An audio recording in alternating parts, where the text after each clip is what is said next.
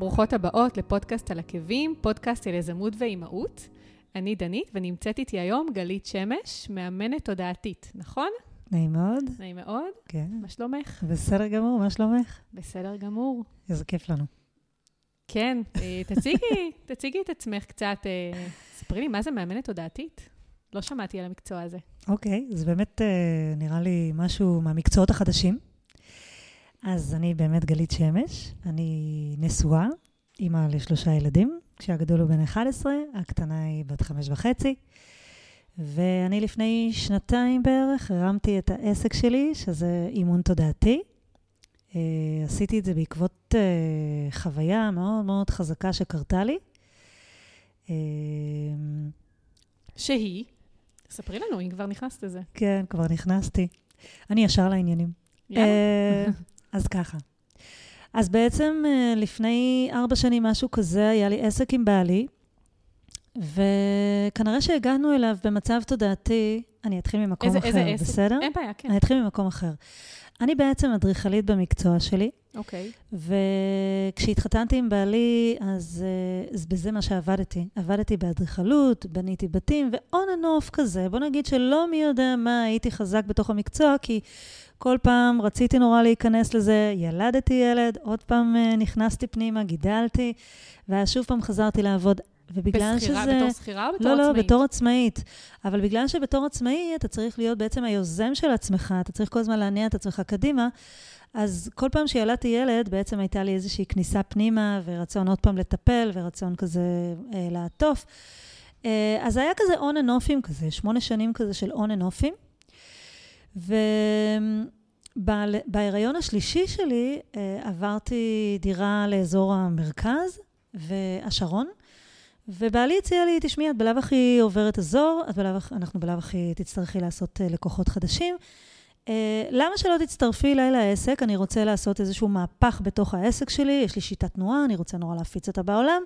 מה ו- בדיוק העסק? רק תספר קצת. העסק של בעלי הוא בעצם uh, היום מתעסק בקורסים של אנטומיה יישומית. Uh, אז רצינו להכניס לזה איזושהי נישה מסוימת של תנועה. אז רצינו להכניס שיטת תנועה לתוך זה, ולכן uh, הקמנו מרכז uh, שחשבנו שיהיה המרכז של התנועה הזאת, אבל הוא התגלגל אחרת לגמרי. והסיפור היה זה שהגעתי לתוך המרכז הזה עם תודעה מסוימת, שבה האמנתי וחשבתי על עצמי ועל העסק שלי בצורה מסוימת. ולמרות שעטפתי את עצמי ב, ביועץ אה, מקצועי וברואה חשבון ובכל הדברים שיכולתי לעשות, אה, כדי בעצם להרגיש בטוחה, עדיין האנשים שבחרתי היו אנשים ששיקפו את מי שאני הייתי. מה זאת אומרת, בעצם- כשהיית, אה, כשהיית אדריכלית בעצם? ספרי קצת כשהייתי על ה... בעצם עסק של בן אדם אחד. כשהייתי עסק של בן אדם אחד, שאת רואה, הוא יכול אה, נניח אה, לסגת מהעבודה שלו, כי יש לי בעל עובד, מתי שאני בעצם, מתי שילדתי ילד, ולחזור מתי שאני בעצם בחרתי לחזור, הלקוחות חיכו לי. זהו, בדיוק באתי לשאול, זאת אומרת, אה, היית, היית אדריכלית, בטח אה, אה, כשיצאת, אה, את יצאת בעצם לכל חופשת לידה. סיימתי את הפרויקטים. סיימת פרויקטים, בדיוק בדיוק. בתזמון של... פחות או יותר. בדרך לידה? כלל הפרויקטים גם נמשכו גם בתוך החופשת לידה, אבל לא לקחתי חדשים. לא לקחתי אוקיי. פרויקטים חדשים, וגם הרבה אנשים גם לא רצו גם לקחת אה, אה, אדריכלית שהיא בעצם לבד במשרד ושהיא הולכת ללדת. אז זאת אומרת שבזמן ההיריון, כשנכנסתי להיריון, גם לא לקחתי על עצמי פרויקטים חדשים, אז תמיד הייתה איזשהו סוג של, אה, אף פעם לא ממש ממש הפסקתי לעבוד לגמרי, אבל הייתה שם איזושהי הפוגה ב...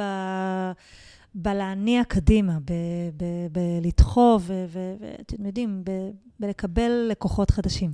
ואיך נניח חזרת? כי בכל זאת חזרת אחרי כל חופשת לידה, נכון, הרי לעבוד בתחום. נכון. מה כן אה, אה, גרם לך אה, לחזור? או איך, או איך מצאת את הכוחות יותר נכון? כי אני מאוד מזדהה עם המקום הזה של, יש לך תינוק חדש, את רוצה לטפל, את רוצה רק להכיל, אה, רוצה לחבק. להרגיש אימא. כן, ממש ככה. כמה זמן היית בבית עם כל, אה, עם כל ילד אז בעצם? כל ילד אחרת, עם הילד הראשון שלי, שזה היה וואו, כאילו, קיבלתי אותו לעולם וזה היה וואו כזה. באיזה גיל זה היה? אה, 32, אוקיי. ילדתי את הראשון שלי. והילד הראשון, הייתי צריכה שנה בשביל זה. וואו. שנה לא עבדת בכלל. שנה לא עבדתי. אה, היה לי, אני לא קוראת לזה עבודה, הייתה, הייתי, עבדתי קצת כשכירה בלהסביר אה, לאנשים תוכניות אה, עירוניות, אבל זה לא ממש עבודה אדריכלית, זה יותר עבודה של הסברה. כאילו היו לי נגיעות פה ושם, ואולי תמיכות מחברים וכולי וכולי, פרויקטים ממש קטנים, לא נחשבים בעיניי כאדריכלות, אבל לא, לא ממש עבדתי. אומרת, מקור הכסף, באמת, כמו שאמרת מקודם, זה היה מהבעל. את אה, לגמרי. בעצם יכלת לאפשר לעצמך להיות בבית ולגדל. כן, את יודעת, זה לא ממש מאפשר, אבל זה מה שיכולתי לעשות. ממש, הייתי צריכה להבין את כל רעיון האימהות הזה, הייתי, רצה, הייתי צריכה להבין את כל uh, מי אני מול הדבר הזה. היה לי שם שאלות מאוד מאוד חשובות לשאול את עצמי כנראה. אוקיי, שכמו ו... מה? בילדה השנייה, uh, בילדה השנייה כבר אחרי... Uh, שלושה, ארבעה חודשים כבר התחלתי לעבוד. ואיך הצלחת להניע, להניע את עצמך לחזור בחזרה? כי אמרת שבסופו של דבר חזרת למקום שלא כל כך אה, אה, אהבת. אמרת שזה עסק של בן אדם אחד, ולא כל כך רצית לעסוק בזה לפי מה שהבנתי. לא, לא, אני מאוד מאוד רציתי לעסוק רצי. בזה, רק שהיה לי פשוט איזשהו קונפליקט עם האימהות שלי. האמנתי המון דברים על האימהות שלי. Mm-hmm. האמנתי שאני צריכה להיות בבית, ושככה זה הכי נכון לגדל את הילדים, ושזה לא נכון ש... שהילדים יגדלו בלי אימא. Mm-hmm. והיו לי הרבה מחשבות אידיאליות על איך אני צריכה להיות כאימא. וזה היה כאנטיתזה ענקית למה שאימא שלי דווקא, כי אימא שלי היא דווקא קרייריסטית, היא בן אדם שעובד. Okay. אוקיי. ודווקא אני רציתי לעשות את ההפך, להיות ההפך. ובתוך ההפך הזה היו לי המון המון אידאות, ובאידאות האלה חשבתי שהילד אה, צריך אותי כל היום, ושאני צריכה להיות הדמות אה, שמלווה אותו בכל היום. אה, ומלווה אותו בעולם הרגשי שלו, המחשבתי שלו, הפעולות שלו. וזו המחשבה בעצם שליוותה אותי בילד הראשון, ובילדה השנייה שהיא נולדה, אז כבר התחלתי להבין שהמושלמות הזאת היא לא שייכת לאימהות. Mm-hmm. כאילו, בילד הראשון אתה עוד יכול מאוד מאוד להיאחז במקום של מושלם, כי זה אתה אחד מול בן אדם אחד. וזה יכול לעבוד. כאילו, האידאה הזאת עוד יכולה mm-hmm. לעבוד. בילדה השנייה זה כבר... אה, כבר יותר קשה, קודם כל יש עוד ילד.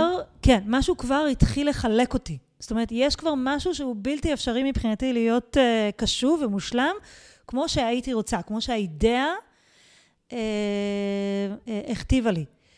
ו... ומה שקרה זה שכבר התחלתי לשחרר מעצמי כל מיני אידאות. אבל אני חושבת שהשחרור הגדול קרה אחרי הילדה השלישית שלי. אוקיי. Okay. שאז בעצם אה, פרצתי מחסומים מאוד מאוד גדולים בתוכי, והבנתי שכאן זה כבר זה לא הסיפור, זה לא הסיפור של אימהות. איזה מחסומים? Uh, זה לא בדיוק מחסומים, זה אותם אידאות, שבאיזשהו אידאות, מקום אוקיי. גרמו לי uh, לא לממש את עצמי. לא להגיע למקומות שאני באמת באמת רציתי לבטא מתוכי. וההבנה הגדולה שלי בילדה השלישית, אחרי שעברתי בעצם לאזור השרון, זה דווקא לא מיד, לא מיד שהיא נולדה, אלא בעלי הציע לי להצטרף, הוא אמר לי בלאו הכי, ילדת, בלאו הכי אנחנו עוברים דירה, אז הלקוחות משתנים, תצטרכי לייצר בעצם לקוחות חדשים. ובואי תעבדי איתי איזה שנה, שנתיים, תתמכי, תעזרי, כל מיני כאלה דברים. אה, ואז תחזרי בעצם לעסק שלך. ואני חושבת שקודם כל הייתי מאוד מאוד בשלה כבר להתחיל לעשות משהו עם עצמי, והוא הציע לי איזשהו סוג של קרקע. והבעיה הייתה שאני פשוט עדיין לא הייתי שם. זאת אומרת, אני לא הייתי במאה אחוז בתוך uh, להוציא את עצמי החוצה ולבטא את עצמי, ואמרתי, טוב, אני הולכת אחרי החלום שלו. כן, כאילו, אני עוזרת לו. Mm-hmm. אבל... זאת אומרת, ויתרת כאילו על, ה... על, ה... אה, על להיות אדריכלית, אמרת, אוקיי, בגלל שאנחנו עושים שינוי עכשיו במקום, במיקום, אה, אז, ואני אחרי לידה, עכשיו בעצם אין לי פרויקטים חדשים, אז בוא פשוט אה, נעצור ונתחיל משהו חדש? או יותר נכון, נצטרף למשהו קיים, פשוט חדש בשבילך. Uh, לא בדיוק, אני תמיד הייתי איזשהו background, אנחנו תמיד עובדים כצוות בבית, uh, גם אני תמיד מתייעצת איתו, גם הוא תמיד מתייעץ איתי. פשוט uh, זה היה איזשהו משהו של ללכת איזשהו צעד קדימה.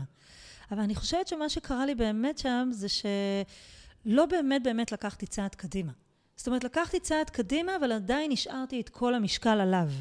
עדיין השארתי המון המון אחריות עליו. ולא הבנתי באמת באמת מהם הרצונות שלי. אז מה היה התפקיד שלך בעצם בעסק? אני הייתי המתפעלת בפועל. זאת אומרת, היה לנו מרכז של 20 מורים עם 150 עד 200 לקוחות, ואני הייתי המנהלת בפועל. זאת אומרת, הם ארגנו יותר את הצדדים הכספיים, הניהוליים, וכולי וכולי, ואני יותר את הניהול בפועל. זאת אומרת, אני הייתי הבן אדם שניהל בפועל את העובדים, ניהל בפועל את הלקוחות, השיג לקוחות, עסקתי בשיווק. אלה היו התחומים שלי. זה דברים חשובים. שיווק, קודם כל, זה דבר שהוא קריטי לכל עסק. נכון. אמ, למדתי מזה דברים מאוד מאוד מאוד מאוד חשובים. ו... אבל, אבל בסופו של דבר, מה שקרה לי שם זה שהעסק נפל. כלכלית. ממש. תוך שנה וחצי נפלנו בצורה שחבל על הזמן. איך זה קרה? אה, מה שקרה זה שהיה לנו יועץ, ו... יועץ עסקי? כן, יועץ עסקי ורואה חשבון, כמובן שלקחנו לצורך העניין. כאילו באיזשהו מקום כן עטפנו את עצמנו באיזושהי חגורה, אבל, אה, אבל זה לא מספיק. משהו בגישה שלי, וגם כנראה של בעלי, הייתה לא נכונה. כי קודם כל, כשאנחנו צועדים בדרך, במיוחד כשאתה צועד בדרך עצמאית, אתה, אתה צריך להיות מאוד מאוד קשוב לעצמך. מאוד מאוד קשוב באיזה דרך אתה משקיע, למה אתה משקיע, איך אתה משקיע. זה צריך להיות משהו מאוד מאוד מאוד חשוב uh, בשבילך, זה צריך להיות מאוד מאוד אמיתי. וכמו שאת בדיוק מזהה, זה לא היה בדיוק המסלול או הדרך האמיתית שלי uh, לצעוד בדרך הזאת של להיות uh, מנהלת מרכז חוגים. זה לא בדיוק היה החלום שלי. כן, אבל זה לא הסיבה למה נפלתם. נפלתם כלכלית. אני חושבת אומרת, שיש בזה משהו שגם. מאוד מאוד מאוד מאוד חשוב. בזה שזה, כשזה לא אמיתי לך, אז עדיף שזה בעצם יתמוטט לך. כן, אבל זה עסק גם של בעלך. נכון, אומרת, אה, וזה גם כן, לא היה מדויק לו. אה, זהו, לא, אוקיי. לא, זה גם לא היה מדויק לו. אז איך הוא הגיע לזה? אמ, אה, ישבנו עם היועץ, וזה היה בעצם רעיון שלו להרכיב, ישבנו עם היועץ, וזה היה רעיון שלו בעצם להרים את המרכז. ו... ואנחנו אמרנו יאללה, וכל דבר שהוא אמר לנו, אמרנו יאללה. בעצם לא הפעלנו איזושהי mm-hmm. חשיבה עצמאית על איך אנחנו רוצים לבנות את עצמנו ומה אנחנו רוצים ללמוד בדרך. וואו, זה לקח מאוד חשוב. זאת אומרת, כל מי שהיא עצמאית או רוצה להיות עצמאית ומקשיבה לנו כרגע, באמת להיות, אה, להיות קשוב אה, גם לעצמך, לעצמך ולאינטואיציות שלך, לתחושות בטן, ולא ללכת ולהגיד יאללה על כל דבר ש... נכון מאוד. זה הכי קל תכלס. נכון. אם יש יועץ, אז יאללה, הוא, הוא יועץ, הוא מבין, הוא בטוח מבין יותר ממני, ואז ללכת עם מה שהוא רוצה לעשות, ולא מה שאת בעצם רוצה. זה מאוד נכון. מאוד חשוב. אני רוצה להגיד לך שהדבר החשוב ביותר שלמדתי כאן, זה שהרבה פעמים הזדמנויות אה, לא מתגלות אה, בפנינו דווקא ברמה של מזל, כן? כאילו, הרבה פעמים מגיע אלינו איזושהי הזדמנות, והיא נמצאת באיזושהי מסכה של ביש מזל. וההפך הוא גם נכון. זאת אומרת, הרבה פעמים דברים מגיעים אלינו כביש מזל, והם יכולים להיות המתנה הגדולה ביותר שאנחנו מקבלים בחיים. וזה התפקיד שלנו לעמוד שם ולהסתכל איזה צעדים אנחנו עושים, ולמה אנחנו הולכים בדרך שלנו, ולהבין באמת באמת, כי הנטייה הטבעית שלנו היא קודם כל לפעול. קודם כל לפעול, כדי להגיד את עשיתי, כדי להרגיש טוב נכון. עם עצמי, כדי להרגיש מסופק. תחשבי על זה, כשאנחנו עושים הרבה דברים במשך היום, אפילו אם אנחנו עקרת בית והצלחנו לעשות, גם לנקות את הבית, גם לסדר, גם לקחת את הילדים, גם לקחת אותם לחוגים, גם להספיק לעשות משהו בשביל עצמי. כשאנחנו מספיקים לעשות הרבה דברים, אנחנו מרגישים יעילים. לגמרי. אבל זה לא אומר שמה שעשינו אה, מצליח לקדם אותי. נכון. וזה בדיוק מה שהבנתי. הבנתי בעצם שהלכתי על איזושהי דרך שהיא הייתה דרך שהיא ריקה מבחינתי. ופתאום הבנתי שאני ממשיכה איזושהי דרך בתוך האימהות שלי, שזה בעצם לתת למען האחר. זאת אומרת, נתתי למען בעלי את השנתיים האלה, ונתתי למען הילדים את השנים האלה שבעצם הייתי and offים. ופתאום התחלתי לחשוב על זה בצורה אחרת, התחלתי לשאול שאלה שלא שאלתי לפני כן. אז איפה אני? איפה ההגשמה האישית שלי? איפה אני רואה בעצם את הרצונות ואת התמונה הפנימית שלי, של איך אני מביאה את המתנה שלי לעולם, בלי לפגוע באנשים סביבי, אלא נהפוך הוא, לקחת אותם איתי למקום של צמיחה. אבל את כל זה שאלת בזמן שהייתם... אה, לא, מת, לא מתי... בזמן המשבר. זהו, זאת אומרת, מה, ת, תספרי לי קצת על, ה, על, מה על שקרה המשבר, זה שלא הפעלנו, לא חשבנו בכלל בתוך המקום הזה, אלא פעלנו, ופעלנו מהר, ופעלנו באוטומט, כי מה שרצינו זה להצליח. Mm-hmm. מה שרצינו זה לראות את הסוף, ומה שרצינו לראות זה הרבה אנשים, והרבה, את יודעת, לקבל תמורה וכסף וכולי וכולי. וזה מה שרצינו לראות, את הסוף. כל הזמן חשבנו על הסוף. ולא חשבנו על התהליך שאנחנו צריכים לעבור בעצם בדרך. אמ, ואז בעצם... מה שקרה זה שנפלנו כלכלית, ממש ממש חזק. זאת אומרת, לא הגיעו כמות הלקוחות שציפיתם? לא, העמדתם הגיעו. את המרכז? לא, אז הגיעו. אוקיי. הגיעו אז, מספר אז הלקוחות, הצלחנו להגדיל את הלקוחות כמעט ב-50 אחוז. סליחה, ב-100 אחוז, הכפלנו את כמות הלקוחות. זה לא קרה בגלל זה, זה קרה בגלל ש...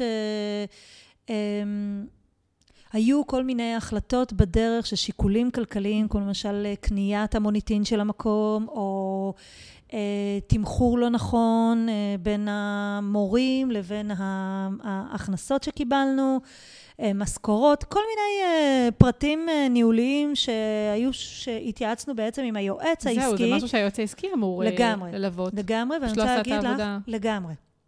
ואני רוצה להגיד לך שאחרי שנפלנו וקרסנו כלכלית, אה, השנתיים הראשונות, אני הייתי שם ממש בדיכאון, אפשר לקרוא לזה. זה לא דיכאון קליני מה שהייתי, אבל זה בהחלט דיכאון, כי היה לי חוסר חשק רציני לקום בבוקר. והייתי קמה, וריקנות גדולה הייתה נמצאת בתוכי, וממש, כאילו, אני זוכרת שנתיים שלמים שהפסקתי לחייך. כאילו לא צחקתי והפסקתי לחייך והייתי קמה בבוקר עם אבן גדולה על עצמי, שולחת את הילדים למסגרות שלהם וחוזרת ונמצאת בתוך עולם בתוך של בועה. ואיך הילדים הגיבו? מסונוורת מאשמה, מסונוורת מכל מיני דברים שקרו לי, ופשוט מה שקרה לי שם זה שהזדהיתי עם הטעות. הבנתי שעשיתי טעות נורא נורא גדולה, והזדהיתי מאוד עם הטעות שלי. רגע, איפה בעלך? בעצם בעלך גם היה בסיפור. נכון, גם בעלי היה לו מאוד מאוד קשה. אני הייתי צריכה לטפל, בעצם מה שקרה זה שאני הייתי צריכה לטפל ב, בכל הסיפור של הנפילה.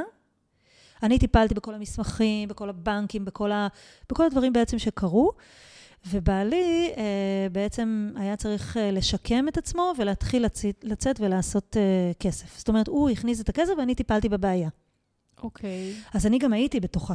כל הזמן. כל הזמן היית. כל הזמן, כל הזמן דיאלוגים, מכתבים, בנקים, אה, חובות, הוצאה לפועל. אוי אוי, זה... סרטים אה, שלא מהעולם מאוד הזה. מאוד קשה להיות כל הזמן ב...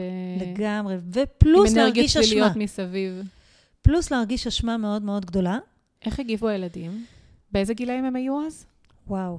אה, נראה לי ילדה הקטנה שלי הייתה בת שנה וחצי, משהו כזה. הגדולים אבל שנתיים. בטח יותר הבינו. מן הסתם. אז הילד הגדול שלי יותר הבין, הילדה האמצעית שלי יותר הסתכלה. אה, אני חושבת שהייתה בת ארבע, חמש, משהו כזה, הוא היה בן שש, שבע אולי. טוב, עדיין גילאים יחסית קטנים, עדיין אבל, קטנים. אבל עדיין אה, הם אבל קולטים. אבל עדיין חוו את זה. חוו. כן, חוו את זה לגמרי. איך מספרים דבר כזה לילדים, שאבא ואימא הקימו עסק, והוא נפל ולא הצליח? הרי בתור הורים, את הכי רוצה ש... שהילדים שלך יתגאו בך ו... ו... ויראו בך כמושא להערצה, ופתאום קריסה כלכלית. חמודה. אז תראי, קודם כל, אה, אני לא הייתי שם שהילדים שלי יראו אותי כאיזשהו משהו שהוא מושא להערצה, זה מאוד מאוד שחררתי את זה.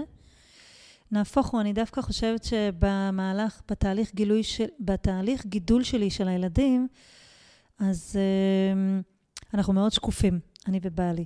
זאת אומרת, אנחנו מאמינים שילדים צריכים לחוות ג- איתנו גם את הדברים הקשים וגם את הדברים הטובים. Mm-hmm. ומה שאני מנסה ללמד את הילדים שלי זה שאפשר להתגבר.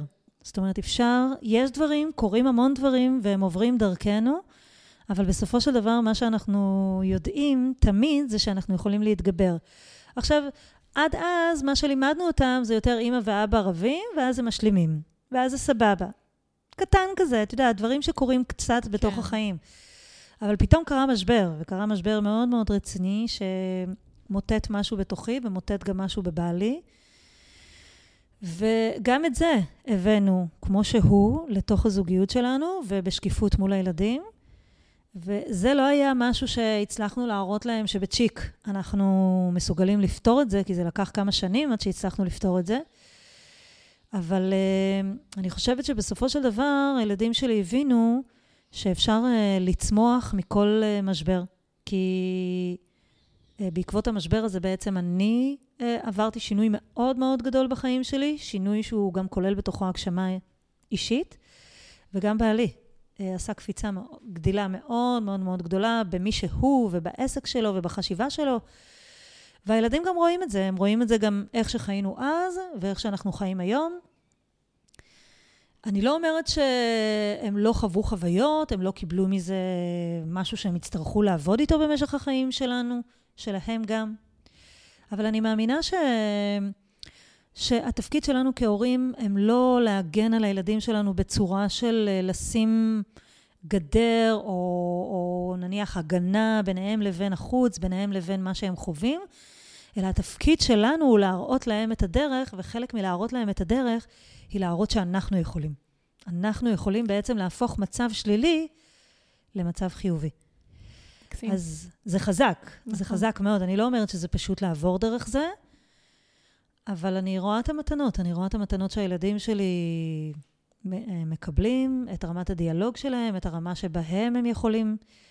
הבן שלי, למשל, היה לו קושי מאוד גדול אה, להיכשל בכדורגל.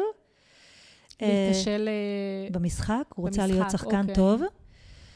ולאחרונה הוא בא אליי והוא אמר לי, אמא, נראה לי שאני בכל זאת אצטרף לנבחרת של הבית הספר, ואז שאלתי אותו למה, אז הוא אמר לי, כי אני חושב שגם אם אני אפסיד, זה יהיה בסדר.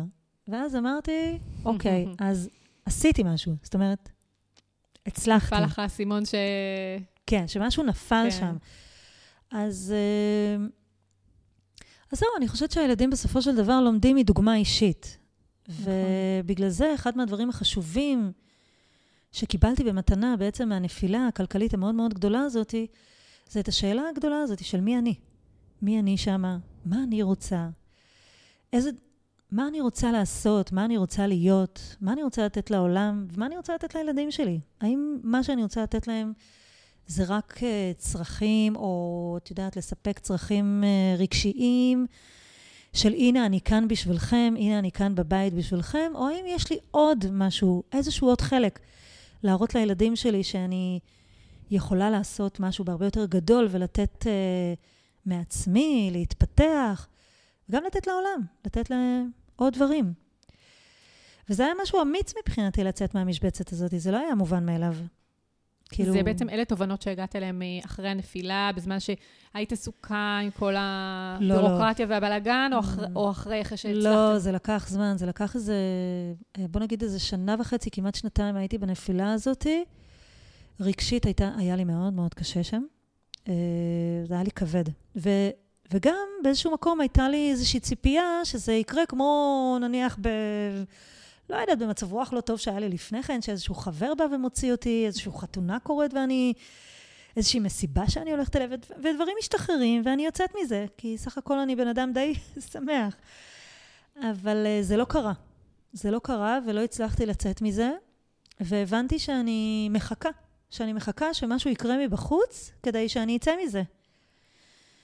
ו... וזה לא היה נכון, הלחכות הזה, ובאיזשהו שלב הבנתי, אוקיי, את מחכה, שום דבר לא יקרה אם תחכי. יש ספר כזה שקוראים לו "שום גמדים לא יבואו". מכירה את זה? לא מכירה. ספר מקסים.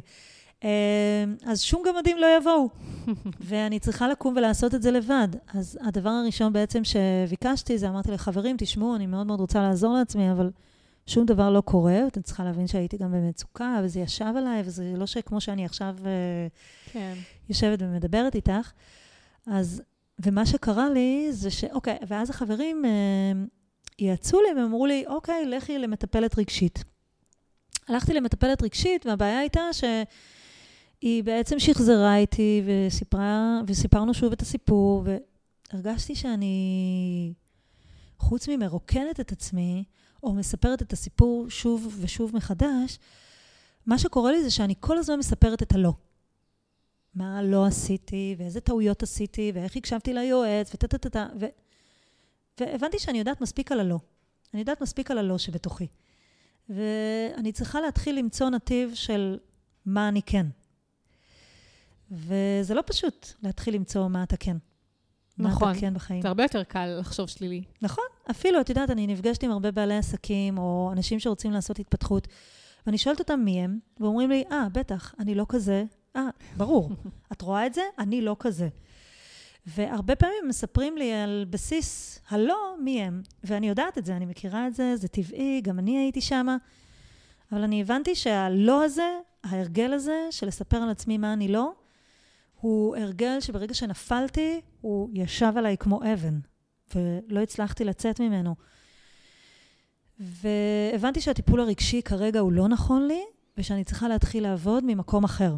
כאילו זה יחזיר אותך בעצם רק ללופ, של ה... לאותו סרט, כל נכון, הזמן מחדש. נכון, נכון. עכשיו, אני לא אגיד שלא הרגשתי הקלה. כן הרגשתי הקלה, כי מישהו הקשיב לי, ו... וגם uh, לספר את הסיפור שלי למישהו אחר. מ...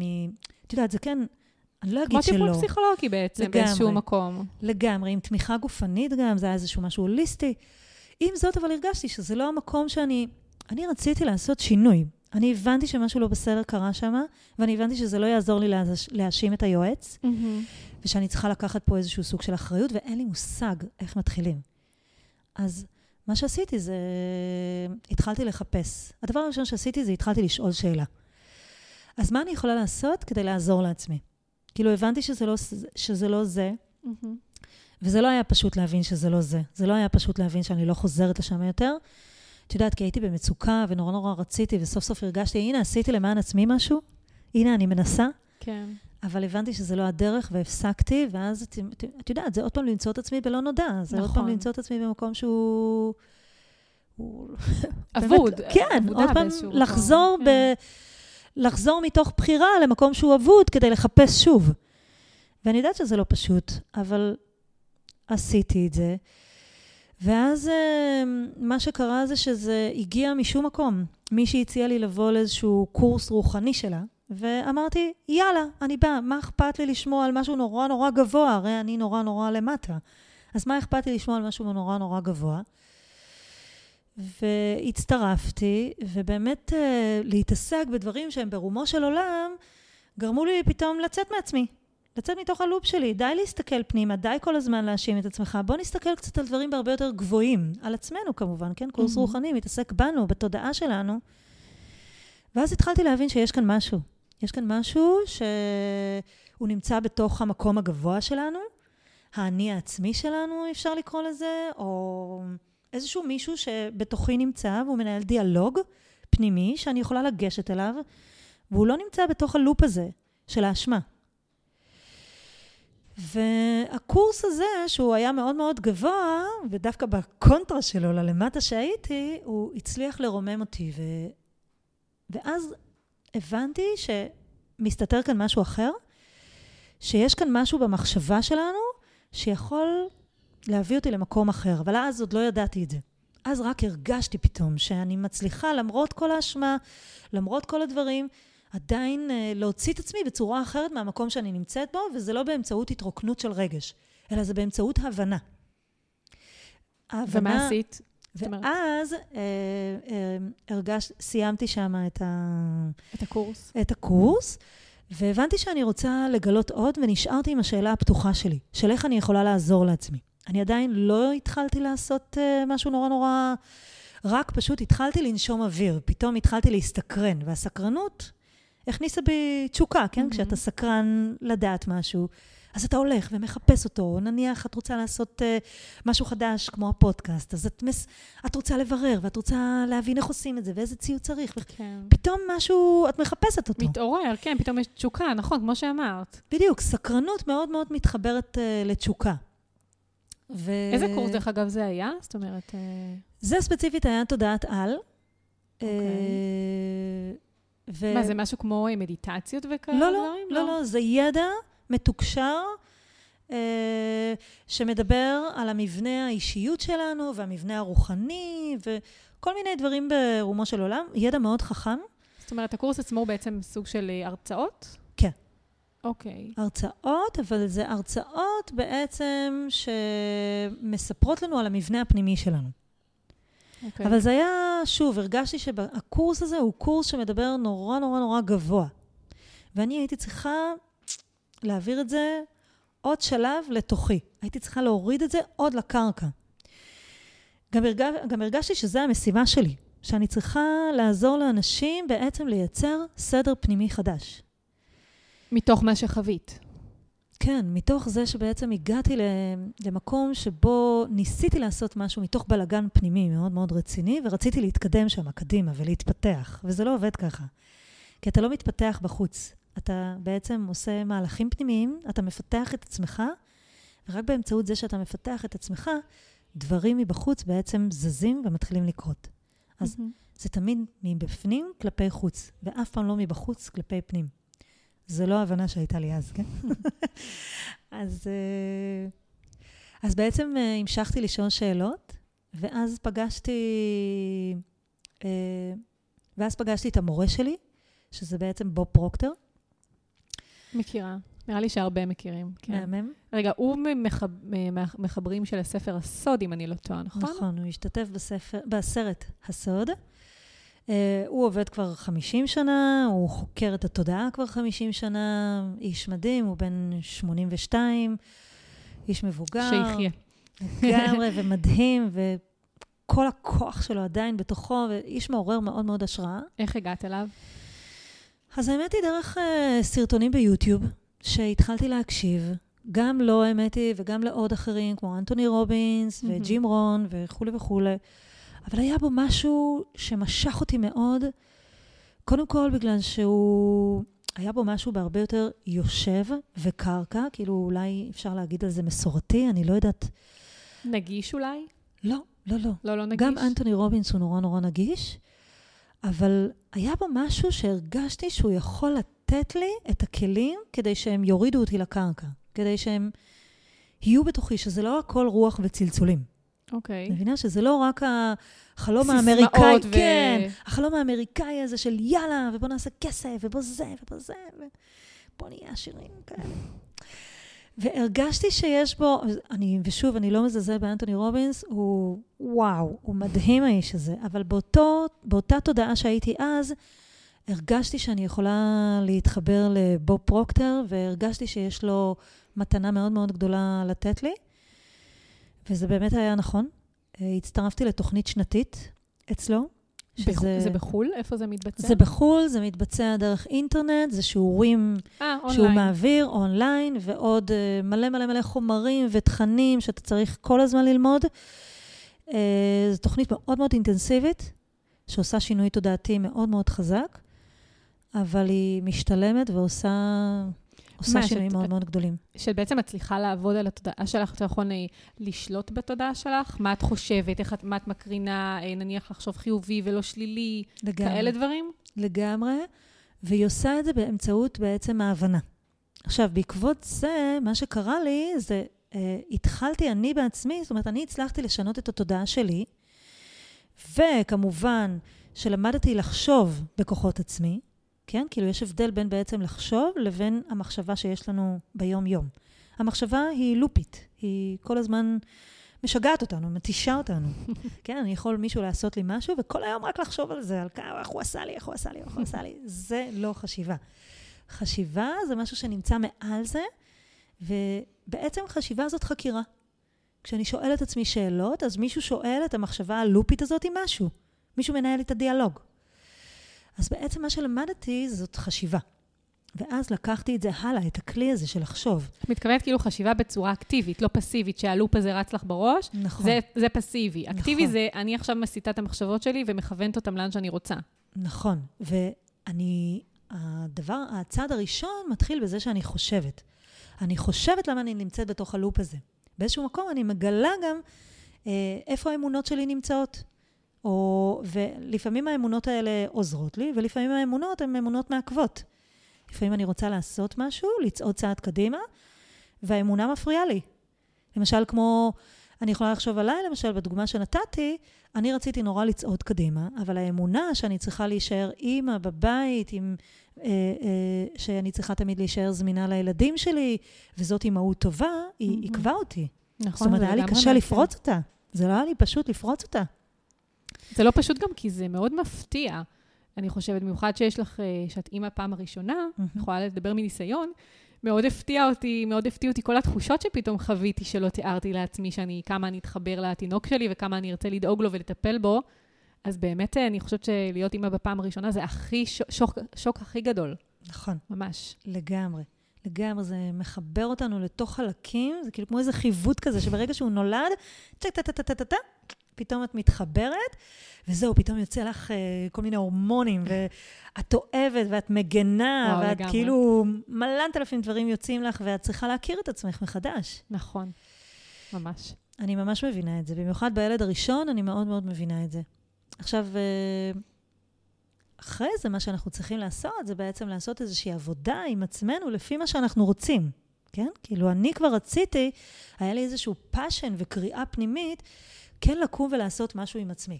כן לקום ולתת החוצה, לא רק לילדים שלי, mm-hmm. אלא החוצה, כדי לבנות את הערך הפנימי שלי. כן? זה היה לי חשוב בתור נורא. בתור אינדיבידואל. כן, לא בתור כאימא. אינדיבידואל, בתור בן אדם שהוא עצמאי, בתור בן אדם שיכול להוכיח לעצמו שהוא משמעותי בעולם. נכון. שיש לי ידע פנימי. כאילו, אפילו אנחנו כאימהות, כמה אנחנו נפגשים עם אנשים אחרים ואנחנו כל הזמן מייעצים ותומכים, ויש לנו לב רחב ואנחנו רוצים לתת. למה לא לקחת את זה ולהפוך את זה למשהו שאנחנו יכולים באמת לעשות כחלק מהמקצוע שלנו? נכון. עכשיו, אני לא אומרת שנשארתי ברמה הזאת, הלכתי ולמדתי ורכשתי כלים, כלים לשינוי תודעה, כאילו, כלים uh, לזהות את הפרדיגמות שלנו, את האמונות המכשילות אותנו, אמונות מעכבות, אבל uh, כאילו לקבל ערך בתוך החיים שלך, גם, גם כשאת אימא, זה דבר ענקי. זה דבר חשוב שאין כדוגמתו. היום למשל אני יודעת שאולי אני פחות פנויה לילדים שלי, אבל הילדים שלי עוברים את אותו תהליך כמו שאני עוברת. בדיוק כמו שאני מפתחת עצמאות בתוכי, הילדים שלי מפתחים את העצמאות בתוכם.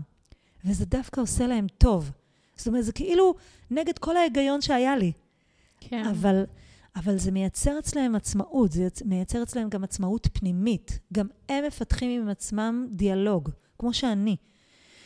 ולפעמים יש לי שיחות עם בעלי על, ה...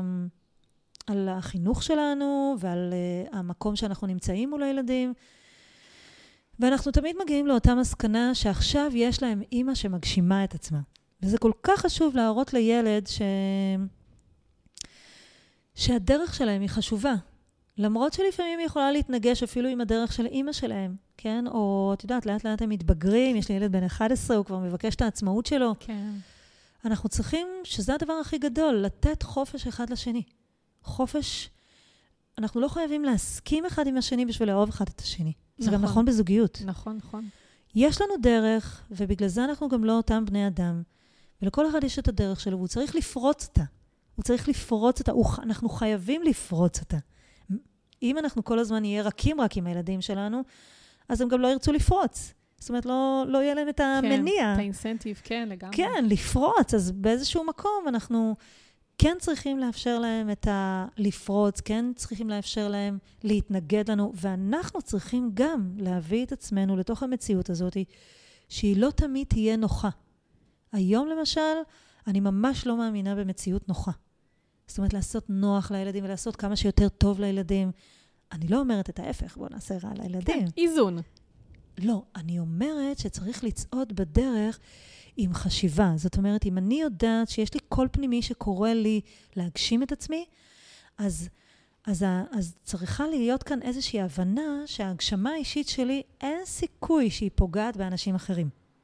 אין סיכוי, למרות שההיגיון אומר לי, הם ייפגעו והם יזוזו, ואני רוצה להגיד לך שגם כשאני זזתי, באותו רגע שזזתי מהמקום שהייתי, אז לאף אחד לא היה נוח. את יודעת, אף אחד לא אוהב שמזיזים לו את הגבינה. ברור. כן, זה אבא ושלושת הדובים. את זה אני דווקא מכירה, את הספר הזה. אוקיי. מאוד מוכר. אז אף אחד לא אוהב כן. שמשנים כן. לו, אף אחד נכון. לא אוהב נכון. שמזיזים לו. אבל, אבל אם את עושה את הדברים שאת צריכה לעשות באמת, אז בסופו של דבר, כולם מרוויחים מזה. אוקיי? נכון. כאילו, ואת הרווח לא תמיד רואים במיידי. למרות שכולם תומכים בך, אבל את הרווח לא רואים במיידי. עדיין הם צריכים לעבור את ה... אנחנו כמו רקמה אנושית, כן? מישהו אחד זז וזה מזיז את כולם. נכון. בדיוק כמו שילד בא לעולם. נכון? ילד בא, והוא מזיז את כולם. נכון. כן? בא עוד ילד, עוד פעם מזיז את כולם. אז כל שינוי שאנחנו עושים בחיים שלנו, אנחנו מזיזים את כולם. ומה שאנחנו צריכים ללמוד זה איך לזוז. איך זזים. כאילו, באיזשהו מקום אנחנו תמיד חיים באיזשהו סוג של סתירה. אנחנו רוצים שיהיה לנו נוח, ובשביל שיהיה לנו נוח אנחנו אומרים, אוקיי, אז אנחנו לא רוצים לזוז מאיפה שאנחנו נמצאים בו, אבל אנחנו רוצים גם להתפתח. וכשאנחנו מתפתחים, אנחנו צריכים לזוז. נכון, לצאת מהמקום הנוח הזה כדי להגיע למקום יותר, אה, יותר טוב. נכון. אז הרבה פעמים uh, התנועה הזאת היא מייצרת בנו איזשהו סוג של פחד, או מה יקרה אם אנחנו נפגע, או מה יקרה אם אנחנו נזוז, מה יקרה לבעלי, מה יקרה לילדים נכון. שלי, מה יקרה לי, בתוך עצמי, כאילו... זה אינסטינקט בסיסי, אני חושבת. אני לא בטוחה שזה אה, אינסטינקט. אני חושבת שזה איזושהי היצמדות לעבר, או איזושהי אשליה שאנחנו מספרים לעצמנו, ש... ש... שיש כזה דבר ביטחון. כן. נכון? כי אין כזה דבר נכון. באמת. תראי, אפילו אנחנו נכנסים להיריון, זה, אני זוכרת את תקופות ההיריון שלי, תקופות ההיריון שלי זה הדבר הכי לא בטוח שהיה לי בחיים. הכי מפחיד שיש בעולם. באמת? ההיריון דווקא? כן, בגלל שאתה אף פעם לא יודע אם יהיה או לא, וכל פעם יש בדיקה, שכל בדיקה מספרת לך אם הצלחת או לא הצלחת, mm. ובדיקת מי שפיר, ובדיקה כזאת, ובדיקה כזאת, וכל דבר אתה עובר כאילו, ואתה באיזשהו, סטר... מגיע לבדיקה בסטרס, ו... האמת כאילו, שכן, נכון. יש, יש בזה... עכשיו היא נזכרת, עברו כמעט שנתיים, אבל... לא, אני, זה מאוד נחמד להיות בריאיון, כן? זה, זה זהו, מאוד נהניתי, כאילו, הציפייה כן. היא מהממת, אבל, אבל כל הזמן אתה באיזושהי שאלה, זה יקרה, זה לא יקרה, עתיד, הוא יהיה עתיד, לא יהיה עתיד, מה הולך לקרות כאן? ו, ואני לא יודעת, לפחות אצלי, לא היה לי הריון אה, אה, דבש, תמיד קרו דברים בתוך ההריון, פה דימום, פה קורה משהו. קורים דברים כן, בתוך אוקיי. הריון, יש חיים. יש חיים. אז, אה, אז מה שאני אומרת, כל דבר שקורה לנו בחיים, אפילו הדבר הכי נפלא שיכול לקרות לנו בחיים, עדיין יש בו סיכון מסוים. כן, אפילו קנינו בית, קנינו אוטו, אנחנו יורדים למטה, הולכים ברחוב, המון דברים יכולים לקרות לנו. אז זה בעצם איזשהו סוג של סיפור שאנחנו מספרים לעצמנו, של ביטחון, שאנחנו רוצים להרגיש בטוח, אבל בעיקרון אין כזה דבר. בטוח. כל הזמן המציאות משתנה. גם אם אנחנו חושבים שביטחון זה לדעת משהו, אז כל הזמן המציאות משתנה והידע בה משתנה, נכון. וגם...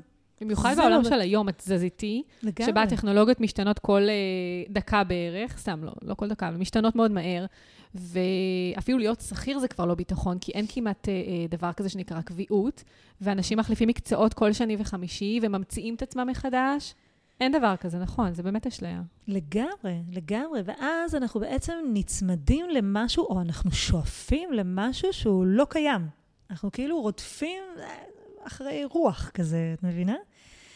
וזאת הבנה חשובה מאוד, כי אם אנחנו נלמד את עצמנו, לעומת זאת, אה, לרדוף אחרי התפתחות, לשאוף להתפתחות, לשאוף לתנועה, אז החיים שלנו יראו אחרת לגמרי.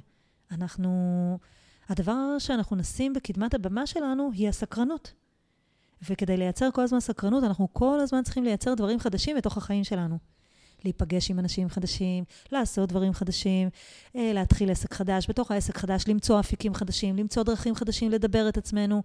כל הזמן למצוא את הדבר החדש שאתה עושה. וזה מרגש. כן, כי... מרגש ומפחיד, אבל... אה, נכון. אבל... את יודעת, זה מאוד מתחבר. כן. מאוד מתחבר ביחד, התרגשות ופחד. נכון. זה כאילו אותו רטט. אותו תדר, שאנחנו יכולים לתרגם אותו, אם אנחנו לא רוצים אותו, אז אנחנו מפחדים, ואם אנחנו רוצים אותו, אז אנחנו מתרגשים. אבל בעיקרון זה אותו תדר. אוקיי. Okay. אז אני מאוד מלמדת אנשים איך לצעוד עם הפחד שלהם. תראי, עוד משהיינו ילדים לימדו אותנו לא לפחד. אם אנחנו נכון. מפחדים, נכון. אז באים מגינים עלינו ואומרים, אל תפחד, אל תפחד. אבל זה לא נכון. אחד מהדברים החשובים ביותר שאנחנו צריכים ללמוד זה דווקא כן לצעוד עם הפחד שלנו. כן לדעת לנתב אותו לפעולה. לא להתרחק ממנו, לא להדחיק אותו, לא לשים אותו בצד, כן. אלא... פחד. ש, שלא מתמודדים איתו הופך להיות מפלצת. לגמרי. הרבה יותר ממה שבעצם הוא היה בהתחלה. נכון. ואז אנחנו מאבדים קשר איתו.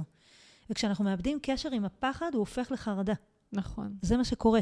חרדה זה דבר לא מוסבר בעצם. חרדה זה כבר הגיע לגוף. כן, נכון, יש תופעות פיזיות שקורות. בדיוק, נכון. ואז פתאום אנשים מגיעים לבית חולים עם התקפת חרדה, הם מגיעים עם התקפת לב, ואז אומרים להם, זה לא אין התקפת לכם לב. כלום. אין לכם כן, זה רק כלום. חרדה, נכון. זאת חרדה, ואז אומרים, אבל על מה אני, מה קרה? אני לא מבין, לא יודע מה זה. כי הם כבר לא מחוברים, את מבינה? זה כל כך הודחק בתוך הגוף, שכבר אין הבנה, אין, אין כבר קשר עם הפחד. אז אני, כשאני מלמדת אנשים לצעוד, והפחד הוא חלק בלתי נפרד מהחיים שלנו, אני מלמדת איך להסתכל על פחד בצורה אחרת. אם הפחד מגיע אליך, ממש לחייך, ולהבין איזה יופי, הנה הפחד הגיע, זה אומר שאני בדרך הנכונה. ממש ככה, אני עובדת ככה. אוקיי. אם אני רואה איזושהי הזדמנות שמגיעה אליי, ולא עשיתי אות- אותה אף פעם, והיא מפחידה אותי, אני יודעת, קופצת ש... למים. אני יודעת שאני בדרך הנכונה. אני לא אומרת שאני לא מפחדת. ברור, מפחדת. אבל מתמודדת. בדיוק, אבל אני צועדת עם הפחד. לרוב מה שקורה לנו זה שהפחד מגיע והוא משתק אותנו.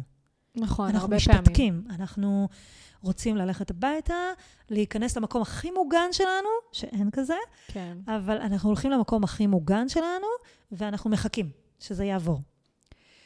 אז בואי תספרי קצת, זאת אומרת, תחזרי קצת באמת לעניין של ה... איך את הקמת את העסק, ואמרת שרכשת כלים ולמדת אצל פה, פה נכון. בפרוקטור, ו... ומה הלאה בעצם, מה אז?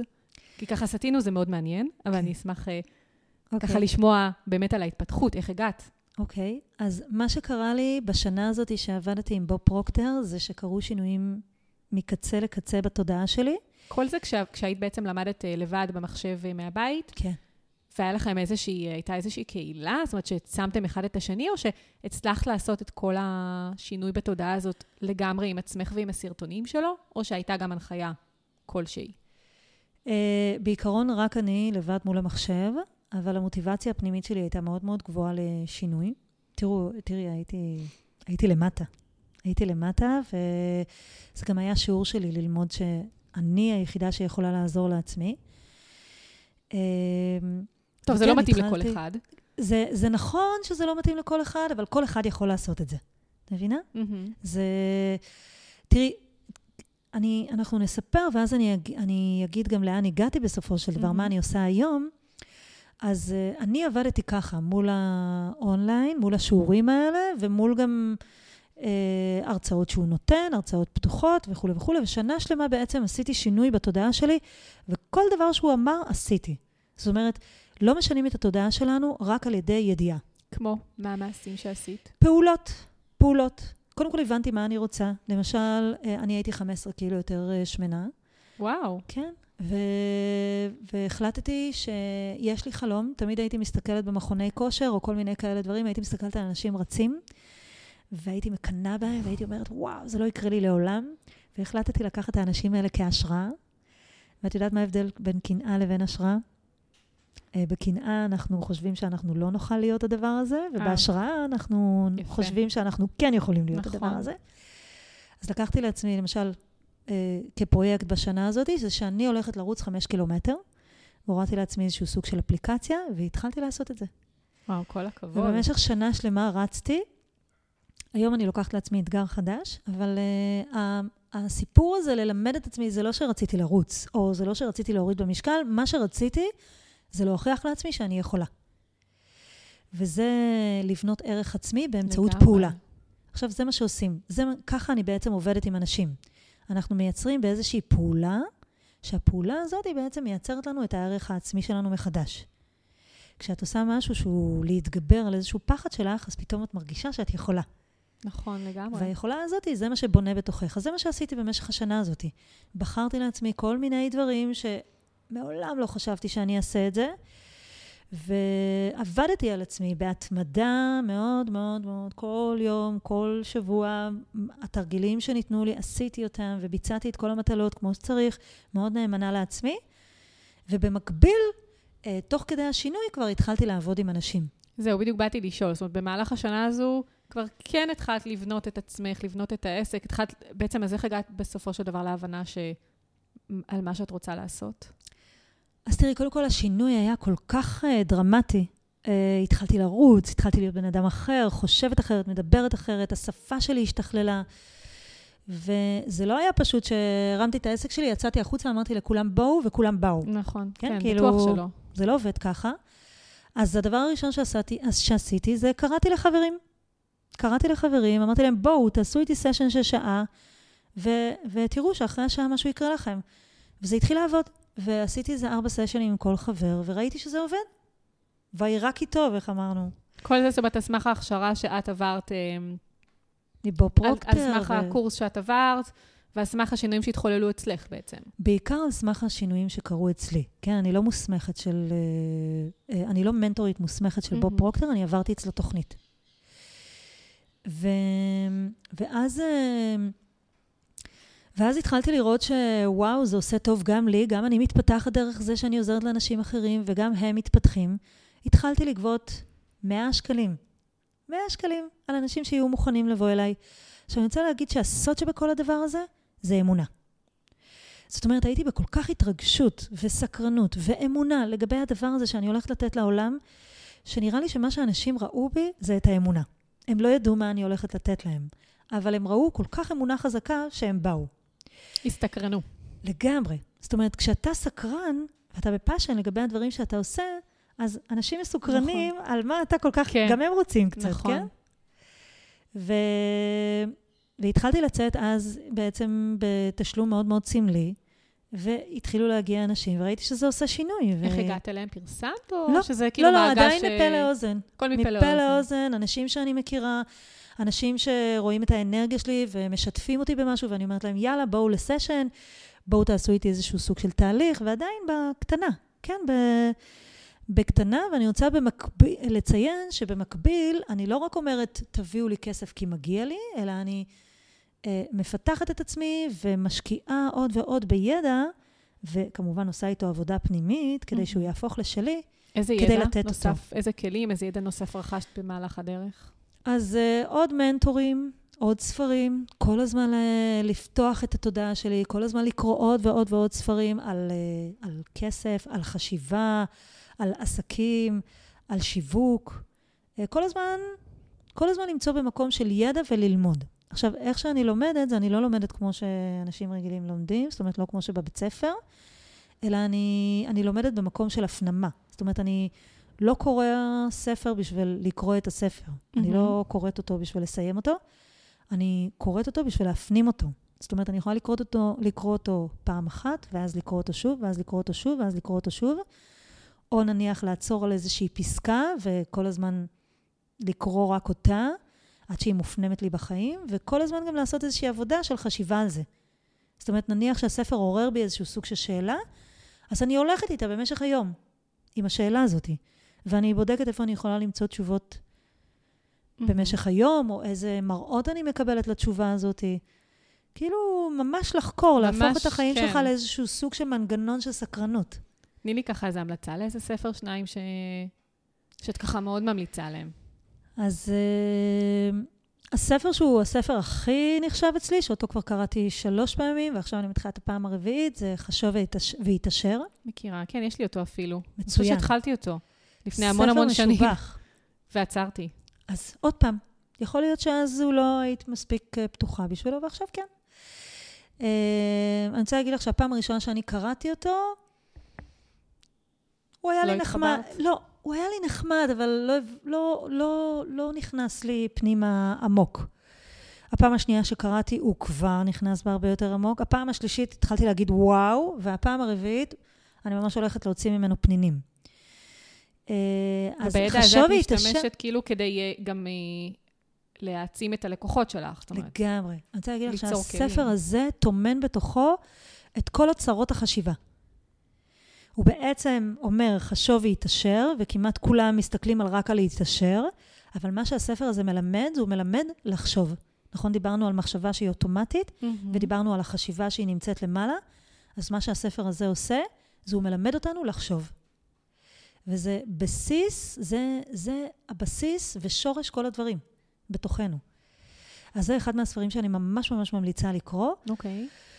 חוץ מזה, יש ספרים שהם יותר אה, רכים להתחלה, של לגלות בעצם שהמציאות שאנחנו חושבים אותה היא לא אמיתית, היא סוג של אשליה. אז למשל, אה, לאהוב את מה שיש של ביירון קייטי, okay. אוקיי. ספר ממש ממש מומלץ כדי להתחיל לפתוח סדק בתוך הדברים שאנחנו מאמינים בהם. כן, אנחנו נורא נורא חושבים שאם מישהו פגע בנו, אז הוא באמת באמת פגע בנו.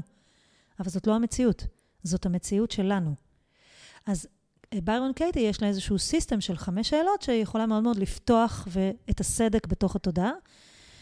וגם אקהרט טול, גם uh, יש לו גם ספר מאוד מאוד רך. אלה, כאילו, אם אנחנו לא מורגלים בחומרים האלה, mm-hmm. אז כדאי שלפני כן נעשה איזושהי עבודה של, של לסדוק את המחשבות שלנו, כדי שכן נצליח להגיע למקום של חשיבה.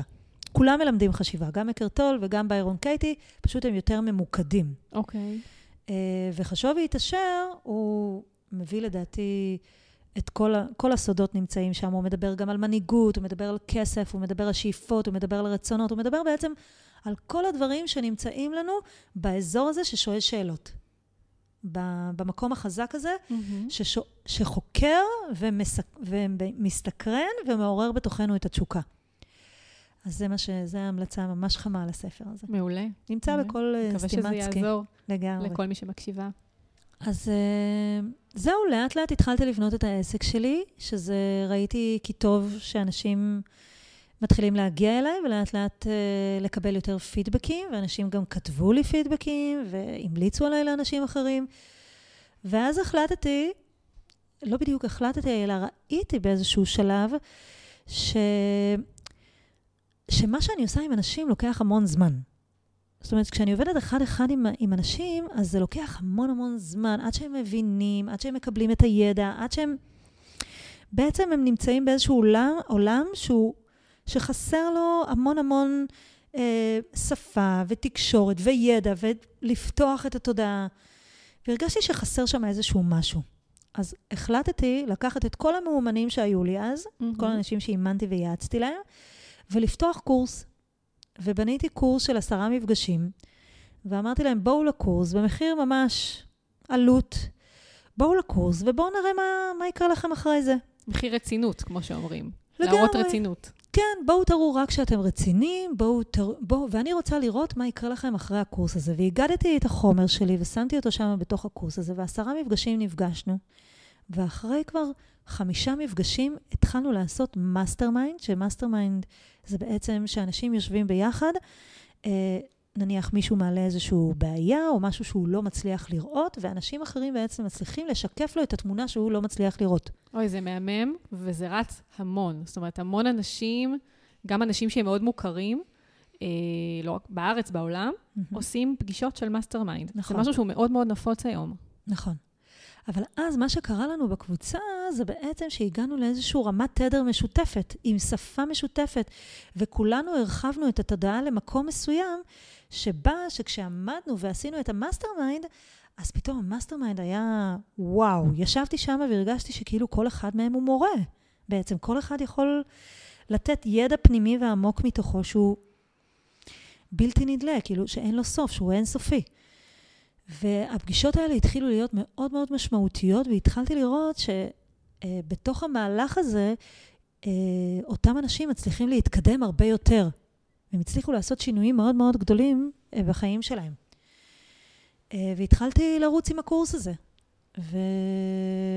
והיום אני, ו... והוא כל הזמן משתכלל, כל הזמן אני מוסיפה לו עוד נדבכים, כי אני גם מתפתחת. בוודאי. אז אז uh, ככל שאני מתפתחת, הקורס שלי מתפתח. ואנחנו עוברים שם תהליכים מאוד מאוד עמוקים וטובים של שינוי ושינוי של תודעה בעיקר. אוקיי, okay, יש לי אבל שאלה. זאת אומרת, כשפתחת את הקורס הראשון, mm-hmm. לא בעצם עלו לך חששות של האם אני אצליח למלא את הקורס, אה, האם יבואו אנשים, נכון, זה בעצם אמרת שזה, אלה היו אנשים שאימנת בעבר. נכון. אבל אה, איזה תחושות אה, היו לך? אני רוצה להגיד לך שכל קורס, מפחיד. אני רוצה להגיד לך שכל קורס שאני פותחת, יש לי חששות שלא, שהוא לא יתמלא. ואני חושבת שזה לא נגמר אף פעם. אני גם דיברתי עם מישהו בהרבה יותר מנוסה ממני, שיש לו כבר שנים על גבי שנים עסק, ועדיין כל פעם שהוא הולך לפתוח קורס, עולה בו החשש שהוא לא יתמלא. והחשש הזה קיים. החשש הזה קיים, ואני חושבת שהלמידה הגדולה ביותר שאנחנו צריכים ללמוד, זה שמה שאנחנו עושים בחיים הוא לא תלוי התוצאות שלנו. זה לא תלוי בכמה אנשים יירשמו. Mm-hmm. מה שאני עושה בחיים שלי, אני עושה בחיים שלי בגלל שם אני צריכה להיות, ושם אני מתפתחת, ושם אני לומדת הכי הרבה, ואנשים שבאים לקבל את זה, מקבלים את המתנה שלי. וכמובן שאני לא יושבת ככה בחיבוק ושמה רגל על רגל ומחכה שאנשים יבואו אליי, אלא אני עושה את הבסט שאני יכולה לעשות, אבל בסופו של דבר, מי שמגיע אליי הוא מי שצריך להגיע אליי, וזה מי שיש. כן? וצריך להסתכל על היש, נכון? Mm-hmm. אמרנו חשיבה חיובית. כן. אז בחשיבה חיובית אנחנו צריכים להסתכל על היש. ועם זאת, אנחנו תמיד צריכים לשאוף ליותר, כן? כי זה חלק מהמבנה האישיות שלנו. זה מדהים, עכשיו בדרך אלייך אה, שמעתי שיעור בדרך. אני מאוד אוהבת אה, לנצל אה, שעות נסיעה להתפתחות. מצוין, זה מעולה. כן, אז בשיעור הזה הוא אומר שאנחנו אנשים שתמיד שואפים ליותר, ואנחנו לא יכולים להילחם עם. הנטייה הפנימית הזאת. כאילו, את יודעת, אולי סבתא שלנו אמרה לנו, די, תסתפקי במה שיש לך, או כל מיני כן, כאלה דברים. כן, זה משפטים מאוד uh, מקבעים. מאוד מקבעים, וכשהיינו ילדים זה היה נשמע לנו גם נורא נורמלי, כן? אה, אל תאכל לכולם, שיישאר מספיק, כן? כזה, כן. משהו כזה. והמספיק הזה נכנס לנו נורא נורא פנימה, והוא מייצר בתוכנו איזשהו סוג של קונפליקט, שאנחנו, די, אנחנו צריכים, יש לנו מספיק. אבל זה לא נכון, כי באיזשהו מקום אנחנו נאבקים עם משהו פנימי. אנחנו תמיד רוצים להתרחב. אנחנו רוצים לדעת, אנחנו יודעים משהו, ואז אנחנו נרצה לדעת יותר. תסתכלו, גם זה מה שקורה במדע, זה מה שקורה נכון. גם במציאות, זה גם מה שקורה בפלאפונים או בכל הטכנולוגיה. כל הזמן אנחנו רוצים להשתכלל יותר. נכון. גם, את יודעת, אה, אה, נניח הייתי לפני זמן, אה, יש לי חברים שהם אקולוגים. אז כאילו... אקולוגים? כן, אקולוגים רצו להקים איזשהו יישוב שהוא נטמע בסביבה שלו. סבבה שהוא מגניב. מינימום מנצל, אה, שהוא זורם עם הסביבה שלו, שהוא מינימום מנצל משאבים מהסביבה, שהוא נותן לאדמה, כל מיני כאלה רעיונות אה, יפים. והייתי שם לפני שנה, ועכשיו, אפרופו, אני לא נזכרת בשם, אבל הייתי שם לפני שנה וראיתי את הגודל שלהם, ועכשיו אה, חזרתי לביקור נוסף, ואני רואה שהם התרחבו. הם הכינו עוד uh, מתקנים, הם הכינו עוד דברים, אמנם טבעיים, אבל עדיין הם התרחבו. עדיין הייתה שם את תופעת ההתרחבות. וזה העלה בי איזשהו סוג של מחשבה, שאנחנו תמיד שואפים להתרחב, אנחנו תמיד שואפים לגדול. גם כהורים, אנחנו תמיד רוצים להיות הורים יותר טובים. נכון. אנחנו רוצים להיות אנשים יותר טובים. אנחנו רוצים להיות uh, בעלי עסק יותר טובים. אנחנו כל הזמן רוצים יותר, וזה טוב. טוב, זה מעולה, זה מראה על התקדמות, על רצון להתקדם. נכון. מי שנשאר במקום. במיוחד שהכל היום, העולם כל כך מתקדם מהר, בסוף נשאר מאחור. נכון, כי יש לנו הרבה יותר כלים לביטוי. זאת אומרת, אנחנו, נכון. יש לנו נכון. היום גוגל, ויש לנו פייסבוק, ויש לנו אינסטגרם, יש לנו, וואו, כמה כלים יש לנו לבטא את עצמנו. ואנחנו, בעצם כשאנחנו אומרים לעצמנו שלא, עזבי אותך, אני לא רוצה יותר, אני אסתפק במה שיש, זה, זה איזשהו מאבק עם פחד אולי, אולי פחד לכישלון, אולי פחד מלא להצליח. זה איזשהו מאבק פנימי. אז כשאנחנו רוצים לצעוד בדרך, אנחנו צריכים לצעוד בדרך אחרת לגמרי. אנחנו צריכים לרצות יותר, אבל להבין שמה שיש, זה היש שלנו. זאת אומרת, זה החשיבה החיובית שלנו, להתחבר אל מה שיש. לא לשפוט את עצמנו ולא להזדהות על בסיס מה שיש. כי, מה שיה, מה, כי הקבלה האמיתית שאנחנו מקבלים היא ההתפתחות שלנו. זה לא הכסף, למרות שאני מדברת הרבה על כסף בעסק שלי. כן, אני מדברת על התפתחות uh, כלכלית. לגמרי. זאת אומרת, כמו שאת מבינה, הנפילה שלי הייתה נפילה כלכלית. אז uh, הרבה בעסק שלי, באימון תודעתי, אני עוזרת לאנשים להתפתח דרך סכום הכסף שהם מרוויחים. כן? דרך הכסף שלהם, דרך היחס שלהם לכסף. אני מדברת בעצם על מערכת יחסים. אז uh, בעצם, מה שאני מלמדת אנשים, זה לא לייצר את הזהות שלהם על בסיס התוצאות. זאת אומרת, כמה אנשים באו לך לקורס, לא אומרים שום דבר, זה לא אומר שום דבר לא עלייך. אומר. זה לא אומר שום דבר עלייך. זה יכול להיות שזה פוגש אותך באיזשהו מקום, אבל שוב, זה מקום רגשי. זה לא אומר שום דבר על המקום הגבוה שלך. אז, אה, אז אני חושבת שכולנו צריכים לשאוף ליותר ולתת ביטוי ודרור לשאיפות שלנו, ואנחנו צריכים ללמוד לאהוב את היש. וזה איזושהי למידה חדשה, אנחנו לא מכירים את זה, לא ראינו את זה באף מקום. לא אצל ההורים שלנו נכון. ולא אצל הסביבה שלנו. זה מקום חדש שאנחנו צריכים לפתח בתוכנו, הוא אפילו נראה לא הגיוני. נכון? כאילו מצד אחד אני אומרת לך, אבל את צריכה לשאוף יותר. מצד שני את אומרת לי, אבל תסתפקי במה שיש. אז מה את אומרת לי פה בעצם? נכון, זה כאילו... כן. זה לא להסתפק במה שיש, זה, זה אולי אה, לקבל את מה שיש, לאהוב, ליהנות אולי ממה שיש כרגע, אבל כן לרצות יותר, אני חושבת. לגמרי. זה לא לשפוט את עצמך על בסיס היש. כן.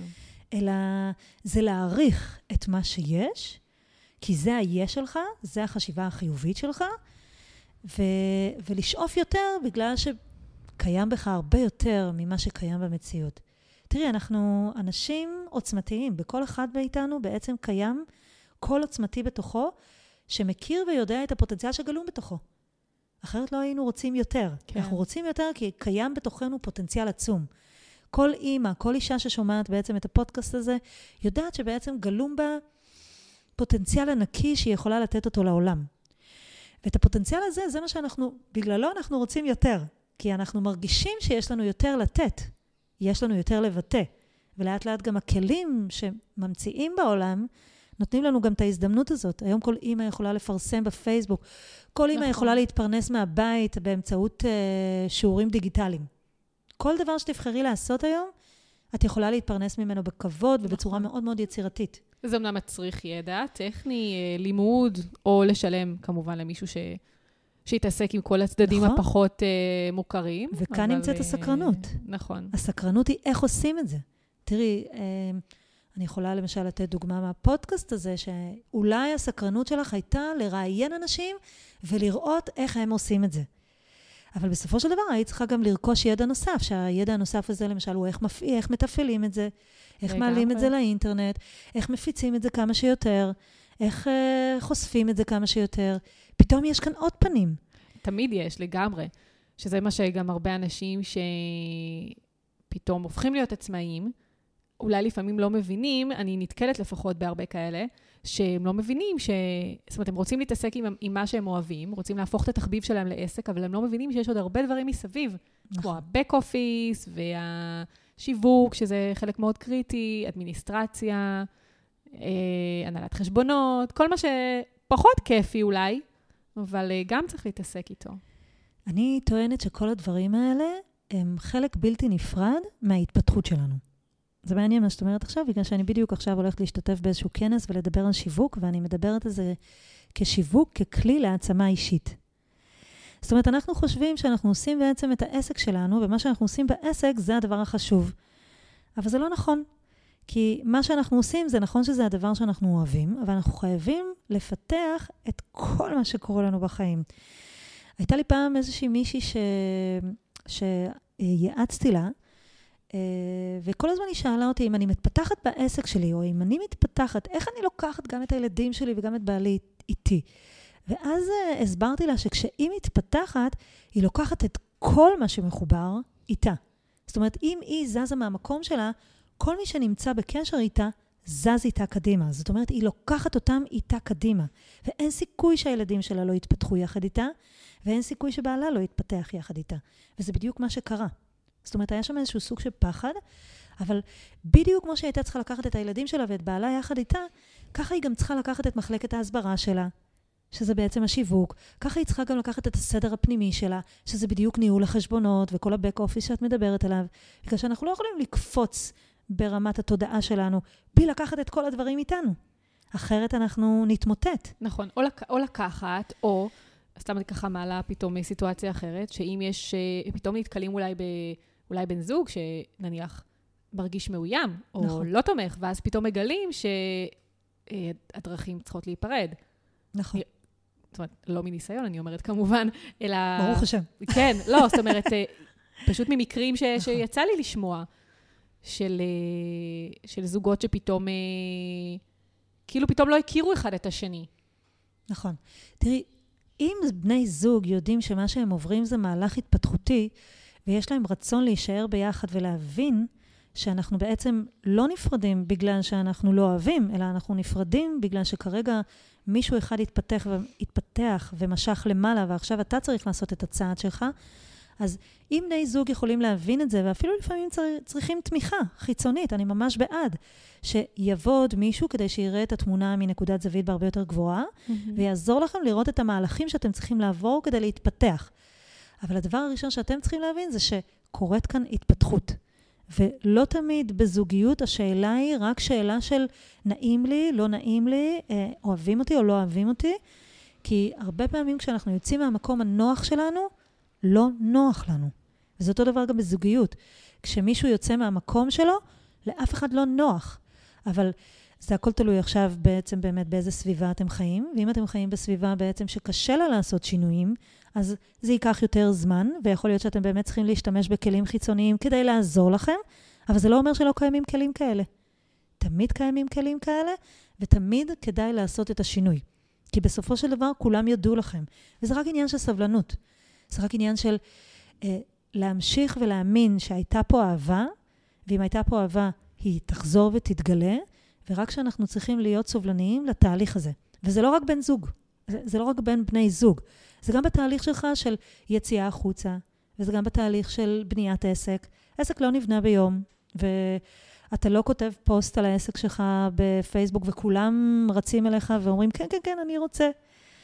זה לא, זה תהליך שהוא צריך להיבנות, וזה תהליך שנבנה בתודעה של אנשים, בדיוק כמו שהוא נבנה בתודעה שלך. ועוד לפני שאתה ממש ממש פורץ החוצה ויש לך מוצר חזק וטוב ביד, אתה כבר צריך לצאת עם התודעה שלך החוצה. זה מה שקורה בעצם בעידן החדש. בעידן החדש, כל המסר המחשבתי, החשיבתי יותר נכון, הוא מאוד מאוד עומד בפרונט. נכון, זה בעצם מאוד. המסר השיווקי. המסר השיווקי הוא המסר החשיבתי שנמצא מאחורי הדברים שאתה עושה. גם אם יש לך מוצר שהוא אפילו שרשראות. אבל מי אתה שאתה מכין את השרשראות האלה? מה אתה חושב כשאתה מכין את השרשראות האלה? למה ניגשת דווקא לשרשראות?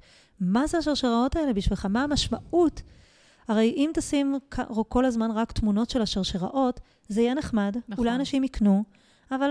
זה לא כל כך יעניין. היום בדיוק. אנשים רוצים את הסיפור האישי מאחורה, הם רוצים להזדהות עם הבן אדם, להרגיש שהם מכירים אותו. נכון. לגמרי, זה מה שמוכר. לגמרי, אני, הסיפור האישי. בעסק שלי, אני באימון תודעתי, שלאט לאט את מבינה מה זה הדבר הזה, אני באה לאנשים ואני אומרת להם, אין כזה דבר עסק. אין. תמחקו את המילה הזאת, אין כזה דבר עסק. יש אתכם מאחורי העסק, והעסק שלכם זה מה שאתם חושבים, מרגישים ופועלים. וסכום האמונות שיש לכם מבפנים, זה מה שבעצם יקבע את הצורה הסופית של העסק שלכם. אם אתם uh, מאוהבים, בעלי תשוקה, חוקרים בעסק שלכם, כל הזמן רוצים לגלות דברים חדשים, ככה העסק שלכם ייראה. ואם אתם uh, למשל נפגעתם המון, וכבר uh, התכופפתם, ונסגרתם, וקשה לכם כבר בעסק, אז ככה העסק שלכם ייראה. ואני עובדת עם עסקים, בעצם עם אנשים, לא כולם בעלי עסקים, גם שכירים באים אליי, כדי בעצם לגלות איפה נמצא הפער בין מה שהם רוצים שיקרה להם, לבין מה שבסופו של דבר הם מרגישים לגבי mm-hmm. המציאות. ולגשר בין הפער הזה. לראות איך אנחנו בעצם משנים את המציאות שלהם, שלנו, באמצעות אמונות חדשות. ואני עוזרת להם כמובן לייצר את אותן אמונות, כן? אה, אה, לגלות את האמונות שלנו ולייצר אמונות חדשות. ואיך אני עושה את זה? אז בכמה מילים, כי זה כן. באמת כן. תהליך ארוך, הנטייה שלנו היא לחשוב או לסכם את מי שאנחנו על בסיס מה שהיינו. נניח אה, עכשיו אני אכיר מישהו שיבוא לדבר איתי, ואני אשאל אותו, מי אתה? אז הוא יגיד לי, כן, אני עשיתי ככה וככה וככה וככה וככה עד היום, ולכן אני ככה. ואני חושבת שזו טעות מאוד מאוד גדולה. ממש טעות גדולה. כי מה שעשיתי עד היום הוא תלוי הפרדיגמות שהיו לי עד היום. ואם אנשים מגיעים אליי ומשנים את הפרדיגמות שלהם ומייצרים בתוכם אמונות חדשות שמחברות אותם לתוך הנשמה העוצמתית שקיימת בתוכם, הקול הזה שכולנו מרגישים שהוא יכול לתת ולהיות, אז אני לא יכולה לעשות את זה על בסיס העבר. כי הבס... העבר בעצם מקלקל את זה, הוא מכווץ את זה, הוא מצמצם את זה, הוא לא נותן לזה להיות. אז אני עוזרת לאנשים בעצם לברוא את העתיד שלהם. כי בעתיד שלהם אין שום סיבה שהמחשבות שלהם יפריעו להם. לא המחשבות ולא האמונות שלהם. וברגע שאנחנו יוצרים את העתיד, אז פתאום יש לנו לאן ללכת, פתאום אנחנו יודעים לאן אנחנו צועדים, פתאום הדברים הקשים שפוגשים אותנו בדרך הם בהרבה יותר קלים, כי אני יודע מה הולך לקרות נכון. אחרי זה. את יודעת, אם מישהו היה מספר לי שאחרי המשבר הכלכלי שעברתי, זאת המתנה שאני אקבל, הייתי עוברת את זה אחרת. בוא נגיד שלא הייתי בדיכאון, כי הייתי יודעת שבסוף מחכה לי מתנה. אז אם אתה יודע לאן אתה רוצה ללכת, אז משהו בדרך שלך הופך להיות כבר יותר קל, אתה כבר יותר מבין, אתה כבר אה, אה, יותר מכיל, ואתה גם יודע לנתב את עצמך בתוך ההזדמנויות. נחבר את זה לתחילת השיחה שלנו. Mm-hmm.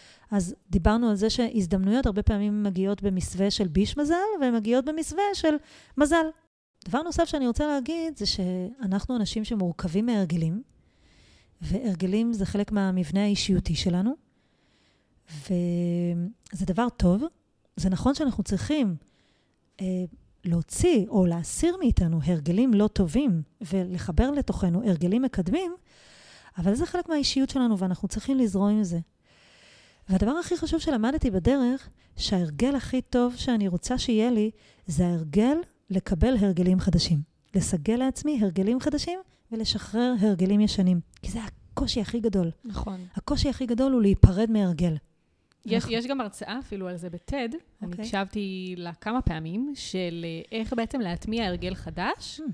תוך 30 יום. זאת אומרת, יותר נכון, בעצם יש תיאוריה שאומרת שאם את תעשי משהו 30 יום, הוא יתקבע אצלך כהרגל חדש. ואז אם את רוצה בעצם לסגל לעצמך הרגל, כמו למשל להתאמן כל בוקר, סתם לדוגמה, mm-hmm. אז פשוט לעשות את זה כל יום במשך 30 יום, ואז זה פשוט יהפוך להרגל חדש, ממש כמו לצחצח שיניים בבוקר. וואלה. פשוט, זו הרצאה בטד, אני אפילו אשים קישור אליה בפרק שלנו. אוקיי. Okay. הרצאה מאוד מעניינת. אז אני, אני רוצה לשתף פשוט מהניסיון שלי, גם לגבי NLP. אה, אני, אני חושבת שזה לא מספיק 30 יום. אני גם רוצה להגיד מהניסיון החיים שלי, בסדר? Mm-hmm. בגלל שפשוט התנסיתי על זה בתוך עצמי. 30 יום לי זה לא מספיק. 30 אה, יום זה בהחלט מייצר איזשהו סוג של הרגל, אבל אם אחרי 30 יום אנחנו מצפים שאנחנו נעזוב את זה וזה יקרה לבד בתור הרגל, זה לא. כדי ליצור הרגל בהרבה יותר שמכוות בתוך המערכת שלנו, אנחנו צריכים להמשיך לעשות את זה לפחות איזה חצי שנה, אם לא שמונה חודשים, כדי לשנות הרגלים פנימיים בתוכנו, כמו למשל מה אנחנו חושבים על עצמנו, כמו למשל ערוץ, כמו למשל אה, כל הדברים האלה, זה לא מספיק 30 יום. זה, אם זה היה 30 יום, כולם היו פטורים. כן, אה? כל ה-NLP וכל הזה, כולם היו פטורים ולא היה על מה לעבוד. אולי את מדברת על משהו יותר עמוק. הרגל שהוא ממש ממש... אה, יכול להיות. עמוק. אולי, כי אולי זה מה שאני מתעסקת בו. אני כן. מתעסקת ב... כשאני נוגעת בהרגלים שהם uh, הרגלים מעכבים, פרדיגמות מעכבות, אמונות מעכבות, הם בדרך כלל מקומות עמוקים, עמוקים יותר בתוכנו, וזה פחות הקטע של לקום שעה בבוקר יותר מוקדם. גם זה לא פשוט. זה חשוב, מאוד נכון. חשוב.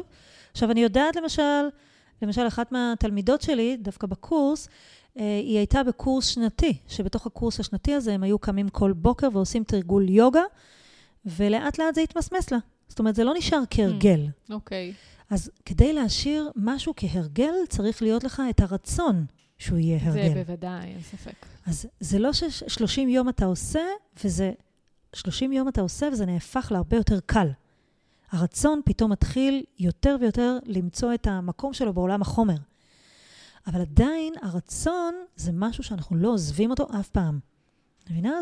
אני מבחינתי לא סיימתי את ההתפתחות שלי ואני לא סיימתי את השינוי הרגלים שלי ואני כל הזמן ממשיכה למצוא מתודות חדשות ודרכים חדשים, לתרגל עם עצמי מחדש ואת יודעת, להכניס את זה בתוך הרגל. למשל, לי יש הרגל כל יום ללמוד משהו.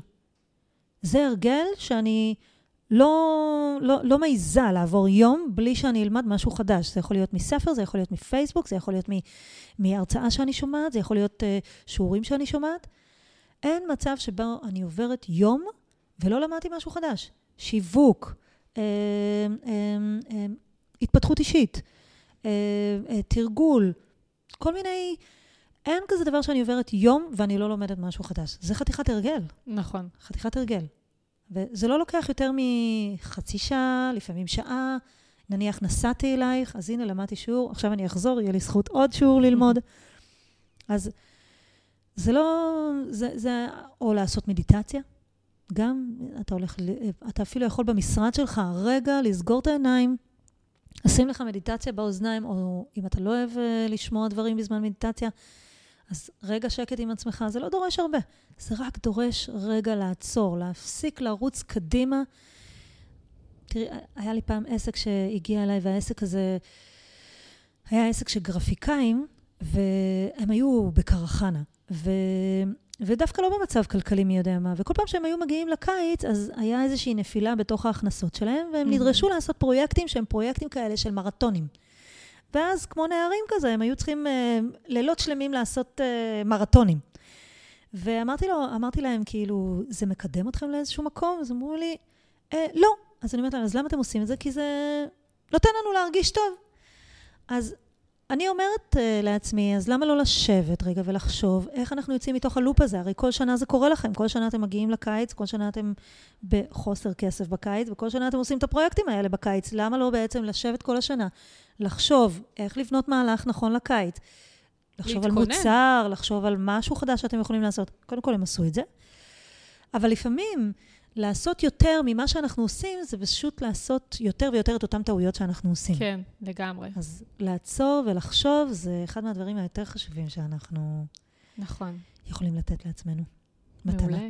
זה אחלה טיפ לסיום גם, זאת אומרת, לעצור ולחשוב. לגמרי, מעולה. לגמרי.